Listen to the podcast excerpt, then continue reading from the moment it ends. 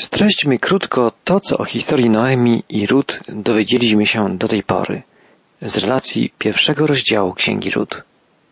Noemi, mieszkanka Betlejem, wraz ze swoim mężem Elimelechem uciekła przed głodem z Judei do ziemi moabskiej. Tam dwaj jej synowie, Machlon i Kilion, pojęli za żony Moabitki, Orpę i Rut. Ale życie na emigracji nie przyniosło rodzinie Noemi szczęścia. Najpierw umarł Elimelech, mąż Noemi, a potem obaj jej synowie. Noemi postanowiła wrócić do Betlejem, gdy dotarła do niej wieść, że klęska głodu już się tam skończyła. Jedna z synowych, Rut, postanowiła jej towarzyszyć. Gdy Noemi przekonywała ją, że lepiej będzie, gdy, jak jej szwagierka Orpa powróci do swoich pobratymców, Rut wyznała, że nie opuści jej, że darzy ją miłością. Nie tylko ją, ale i jej Boga, Boga Izraela. W ten sposób Rut wraz z Noemi znalazła się w Judei, w Betlejem. Przybyły tu w czasie, gdy rozpoczynały się żniwa. Była to bardzo szczęśliwa okoliczność dla dwóch ubogich wdów. W Izraelu obowiązywało bowiem prawo, że wszyscy ubodzy mogli w czasie żniw zbierać pozostawione przez żniwiarzy na polu kłosy. Oto jak potoczyły się losy Noemi i Rut. Przeczytajmy pierwsze wiersze drugiego rozdziału Księgi Rut. Noemi miała dalekiego krewnego ze strony swego męża, z rodziny Limelecha, człowieka bardzo zamożnego, który nazywał się Boaz. Rzekła Rut Moabitka do Noemi, pozwól mi pójść na pole, zbierać kłosy za tym, w którego oczach znajdę łaskę. A ona jej odpowiedziała, idź, córko moja.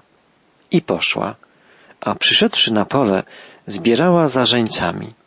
Zdarzyło się zaś, że trafiła na kawałek pola należącego do Boaza, który był z rodziny Elimelecha. Właśnie też przyszedł Boaz z Betlejemu i pozdrowił żeńców. Pan z wami. A oni mu odpowiedzieli, niech ci Pan błogosławi. Wtedy rzekł Boaz do swojego sługi, postawionego nad żeńcami, czyja to dziewczyna? A sługa postawiony nad żeńcami odpowiedział, jest to młoda Moabitka, która powróciła z Noemi, z pól moabskich. Powiedziała ona do mnie, chciałabym za żeńcami zbierać i składać kłosy między snopami. A odkąd tylko przyszła rano, trwa przy pracy aż dotąd, ani chwilki nie odpoczywa. Wtedy rzekł Boaz do Rut, słuchaj, córko moja, nie chodź na inne pole, aby zbierać kłosy. Nie odchodź stąd, lecz trzymaj się tutaj moich dziewcząt. Zwróć swoje oczy na to pole, na którym żną żeńcy i chodź za nimi, bo oto nakazałem moim parobkom, by cię nie nagabywali. A gdy będziesz miała pragnienie, podejdź do dzbanów i napij się tego, co parobcy naczerpią. W ten sposób Rut znalazła się na polu Boaza. Została przez niego zauważona. Boaz jest krewnym Elimelecha, jest więc jednym z tych, którzy mogą zaopiekować się Noemi, jako wdową po Elimelechu, a także jej synową Rut. Czujemy, że w wydarzeniach, które tekst biblijny rysuje przed naszymi oczami, jest obecny Bóg, że to Jego palec pisze tę niezwykłą, piękną historię. W postawie Rut jest coś pięknego, coś radosnego. Pilnie pracuje od wczesnego ranka na polu Boaza. Nie troszczy się tylko o siebie, pragnie zdobyć coś do jedzenia także dla Noemi i w ten sposób okazać jej swoją miłość. Rut uwierzyła w jedynego prawdziwego Boga, dlatego że widziała go w życiu swojej teściowej. A teraz spotyka drugiego człowieka, dla którego życie z Bogiem jest czymś naturalnym, codziennym. Boaz pozdrawia swoich pracowników, Pan z wami, a oni odpowiadają, niech ci Pan błogosławi. Jakże inaczej pracuje się w takiej atmosferze? Zastanówmy się, czy my spotkaliśmy takich ludzi, czy byli oni dla nas zachęceniem, drogowskazem, kierującym nasz wzrok na Boga? Zastanówmy się też, czy my jesteśmy przykładem wiary dla innych? Czy w naszym życiu otaczający nas ludzie mogą dostrzec Boga? Postawmy sobie też inne pytanie. Jak to się stało, że Rut tak szybko znalazła swoje miejsce w sercu Boaza? A przedtem, co spowodowało, że jej teściowa, Noemi, zdobyła jej serce? Czym zdobywa się serce człowieka? Czy nie tym, że otwiera się dla niego swoje serce? Że daje się człowiekowi potrzebującemu pomocy, porady, wsparcia, życzliwą dłoń i ogrzewa się go miłością, otacza dobrocią? Po prostu, żeby zdobyć przyjaźń, zaufanie, miłość, trzeba najpierw miłość, dobroć, przyjaźń okazać. Gdy chcemy zdobyć czyjeś serce, musimy najpierw oddać mu swoje serce. Wiemy, jak bardzo skłonni jesteśmy oddawać tylko cząstkę serca, a resztę zachować dla siebie. Nawet kiedy chodzi o najwyższą sprawę, gdy chodzi o Boga. Ale przecież Bóg właśnie tego pragnie, żebyśmy oddali Mu całe swoje serce. Ród była właśnie tego rodzaju osobą. Całym sercem zaufała Bogu. Oddała Mu do dyspozycji swoje serce, a także swoje ręce, siły, umiejętności, które posiadała. Oddała to wszystko do dyspozycji także najbliższej sobie w tamtym czasie osobie, swojej teściowej, Noemi. Postawę Ród wyróżniała pracowitość, skromność i pokora. Przyszła do Betlejem z Noemi, biedna jak przysłowiowa mysz kościelna. Jednak prawo zapisane w Starym Testamencie zabezpieczało byt ubogich i Ród z tego skorzystała. Ubodzy w Izraelu nie mieli być żebrakami. Mieli korzystać z możliwości zapracowania własnymi rękami na utrzymanie. Bóg objawił Mojżeszowi prawo, które dawało biedakom szansę zapracowania na swoje potrzeby, a bogatym stwarzało sposobność okazania ubogim dobrego serca. Pomyślmy, jest tu miejsce i na dobroczynność, i jest też zachęta do aktywnego poszukiwania wszelkich możliwości pracy. Żadna praca nie hańbi. Każdy zdrowy człowiek powinien pracować. Taka myśl zawarta jest tutaj, obok wielu innych, w drugim rozdziale Księgi Ród. Ród nie wstydziła się żadnej pracy. Bóg widzi i czyta w sercu człowieka. Nagradza pracowitość, wierność, skromność, pokorę. Nawet na ruinach można wznieść gmach nowego szczęścia, nowego życia. Dzisiaj Biblia ukazuje nam to wyraźnie, wskazując przykład ród. Nasze rozważania zbliżają się do punktu kulminacyjnego. Wyczuwamy, że między Boazem i Ród nawiązuje się niewidzialna nić, nić sympatii, a może miłości. Odgadujemy, że sam Bóg planuje tu coś nowego i pięknego. Wsłuchajmy się w opowieść drugiego rozdziału Księgi Ród, w historię miłości Ród i Boaza. Rzekł Boaz do Ród, słuchaj, córko moja, nie chodź na inne pole, aby zbierać głosy. Zwróć swoje oczy na to pole, na którym żną żeńcy i chodź za nimi, bo nakazałem moim parobkom, żeby cię nie nagabywali. A gdy będziesz miała pragnienie, podejdź do dzbanów i napij się tego, co parobcy naczerpią. Wtedy ona upadła przed nim na twarz i pokłoniwszy mu się aż do ziemi, rzekła do niego, skąd to znalazłam łaskę w twoich oczach, że zwracasz na mnie uwagę, chociażem cudzoziemka? A Boaz odpowiedział jej, mówiąc, opowiedziano mi wszystko dokładnie, jak postąpiłaś ze swoją teściową, gdy umarł twój mąż, że opuściłaś swego ojca i swoją matkę i swoją ziemię, w której się urodziłaś i poszłaś do ludu, którego przedtem nie znałaś. Niech ci wynagrodzi Pan twój postępek i niech będzie pełna twoja odpłata od Pana, Boga Izraela, do którego przyszłaś, aby się schronić pod jego skrzydłami. A ona rzekła, łaskawy jesteś dla mnie, Panie mój, boś mnie pocieszył i serdecznie przemówił do służebnicy swojej. chociaż nie mogę się nawet równać z żadną z Twoich służebnic. W porze posiłku rzekł do niej Boaz, podejdź tutaj i jedz z tego chleba i maczaj swoją kromkę w polewce.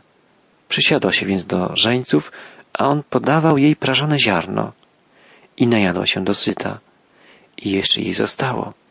A gdy powstała, żeby zbierać, nakazał Boaz swoim sługom, niech zbiera także pomiędzy snopami, nie róbcie jej wymówek. Wyciągajcie dla niej kłosy ze snopków i upuszczajcie je, niech je sobie zbiera i nie strofujcie jej. Zbierała więc na polu aż do wieczora. Potem wymuciła to, co zebrała, a było tego około efy jęczmienia. Narzuciwszy to na siebie, poszła do miasta, a teściowa zobaczyła to, co nazbierała. Potem wyjęła jeszcze to, co pozostało jej z posiłku i dała jej. A Noemi rzekła do niej, gdzie zbierałaś dzisiaj i gdzie pracowałaś? Niech będzie błogosławiony ten, który zwrócił na ciebie uwagę. Wtedy opowiedziała swojej teściowej, u kogo pracowała.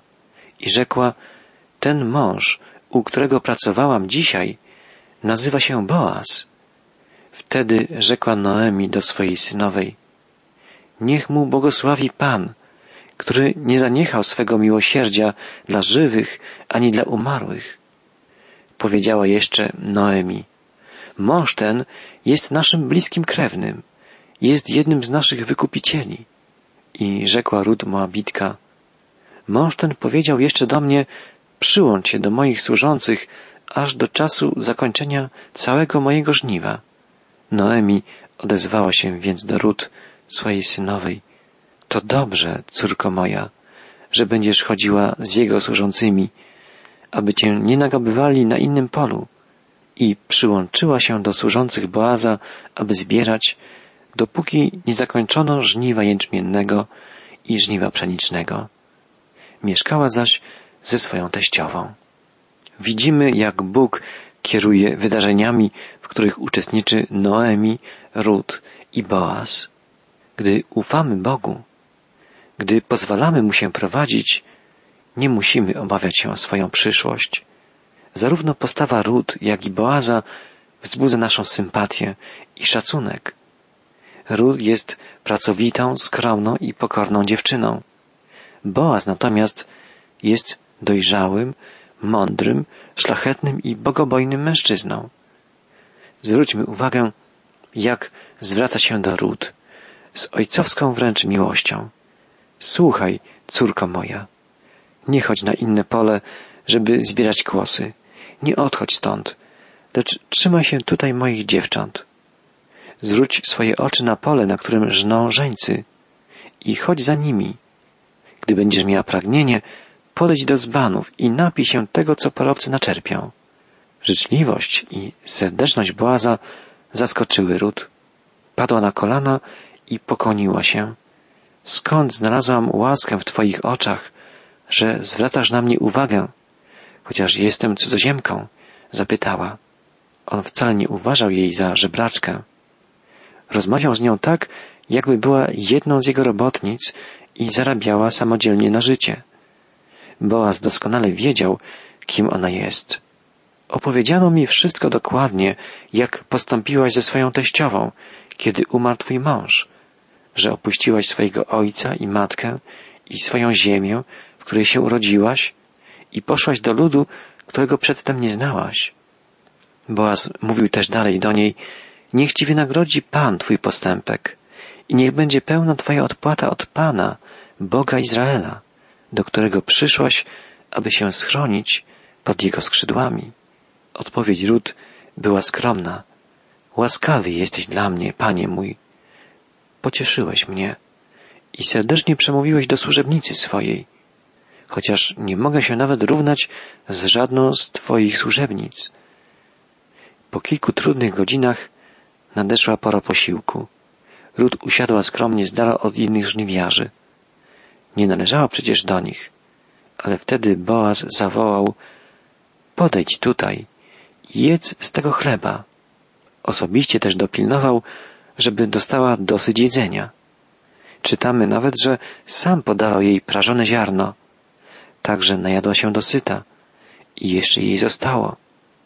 Ród zabrała potem to, co pozostało jej z posiłku i dała to Noemi.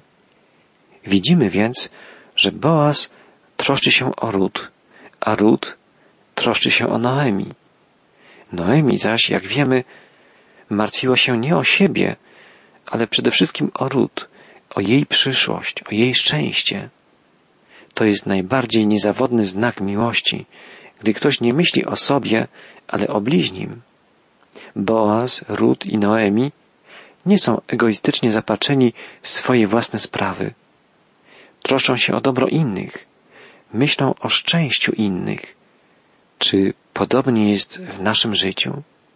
Słowa drugiego rozdziału Księgi Ród pobudzają naszą wyobraźnię.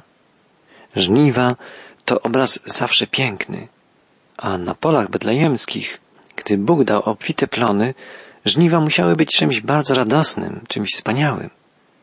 Możemy sobie wyobrazić dojrzałe łany zbóż jęczmiennych i pszenicznych, a wśród nich żeńców zgiętych ku ziemi, zapuszczających sierpy w złocące się ściany kłosów. Okolice Betlejem zawsze należały do najbardziej urodzajnych części Judei. Już sama nazwa Betlejem, dom chleba, świadczy o tym. I tu, w Betlejem, narodzi się człowiek, który powie o sobie, że jest chlebem życia. Jezus jest tym prawdziwym chlebem, duchowym chlebem, który jako jedyny jest w stanie zaspokoić głód człowieka, ten najbardziej dotkliwy, duchowy głód. I zawsze, gdy przyglądamy się obrazowi żniw, powinniśmy o tym sobie przypominać. Pamiętamy, że gdy w czasie naszych audycji rozważaliśmy treść ksiąg mojżeszowych, dostrzegliśmy w żydowskim święcie pierwocin, czyli w święcie pierwszych plonów, obraz zmartwychwstania Jezusa. To on został nazwany przez apostoła Pawła pierwociną zmartwychwstania. Chrystus jako pierwszy powstał z martwych i jest pierwociną, czyli pierwszym z tych, którzy powstaną z martwych dzięki wierze w Niego. Apostoł Paweł, pisząc w liście do Koryntian o zmartwychwstaniu, używa jako ilustracji właśnie obrazu ziarna, które obumiera w ziemi, żeby mogło z niego narodzić się nowe życie, pomnożone wielokrotnie w kłosie zawierającym wiele ziaren. Śmierć Chrystusa jest źródłem życia dla wielu ludzi, dla wszystkich, którzy uchwycili się zmartwychwstałego Pana wiarą. Mówiliśmy na wstępie naszego studium Księgi Ród, że postać Boaza jest archetypem Chrystusa. To znaczy, że zapowiada, kim będzie Jezus, Mesjasz Izraela, Zbawiciel świata. Natomiast Ród symbolizuje, zapowiada Kościół. Podczas żniw Ród pracuje na polu Boaza, który wkrótce stanie się jej wykupicielem. Obraz żniw kojarzy nam się więc może z Chrystusem i Jego dziełem na wiele sposobów. Znany pisarz i apologeta chrześcijański C.S. Lewis pisze w swojej książce Bóg na ławie oskarżonych, że możemy wiązać ze sobą obraz obumierającego ziarna, śmierci Jezusa, święta żniw i zmartwychwstania Jezusa, a także cud pomnożenia chleba, którego dokonał Jezus i Jego słowa, że jest On prawdziwym chlebem życia. Wszystko to wiąże się ze sobą. Ludzie przez wieki, nie znając jeszcze Chrystusa, oddawali cześć Panu żniw. Kiedy Bóg stworzył świat roślin, już wiedział, jakie marzenia będzie wywoływać coroczna śmierć i zmartwychwstanie ziaren w pobożnych pogańskich umysłach. On wiedział już wtedy, że sam musi tak umrzeć i żyć znowu, żeby dać życie światu. W tym sensie Jezus okazał się prawdziwym królem żniw. Królem, którego intuicyjnie, w sposób niedoskonały, czciły niemal wszystkie ludy pogańskie. C.S. Lewis pisze, że ludzie, zgodnie ze zwyczajem swojej epoki, mówili oto Ceres, oto Adonis, oto król zboża, albo też oto prawa natury, podczas kiedy rzeczywistym Panem żniw, tak jak Panem całego stworzenia, jest Jezus Chrystus, poprzez którego i dla którego wszystko się dzieje i w ogóle wszystko istnieje.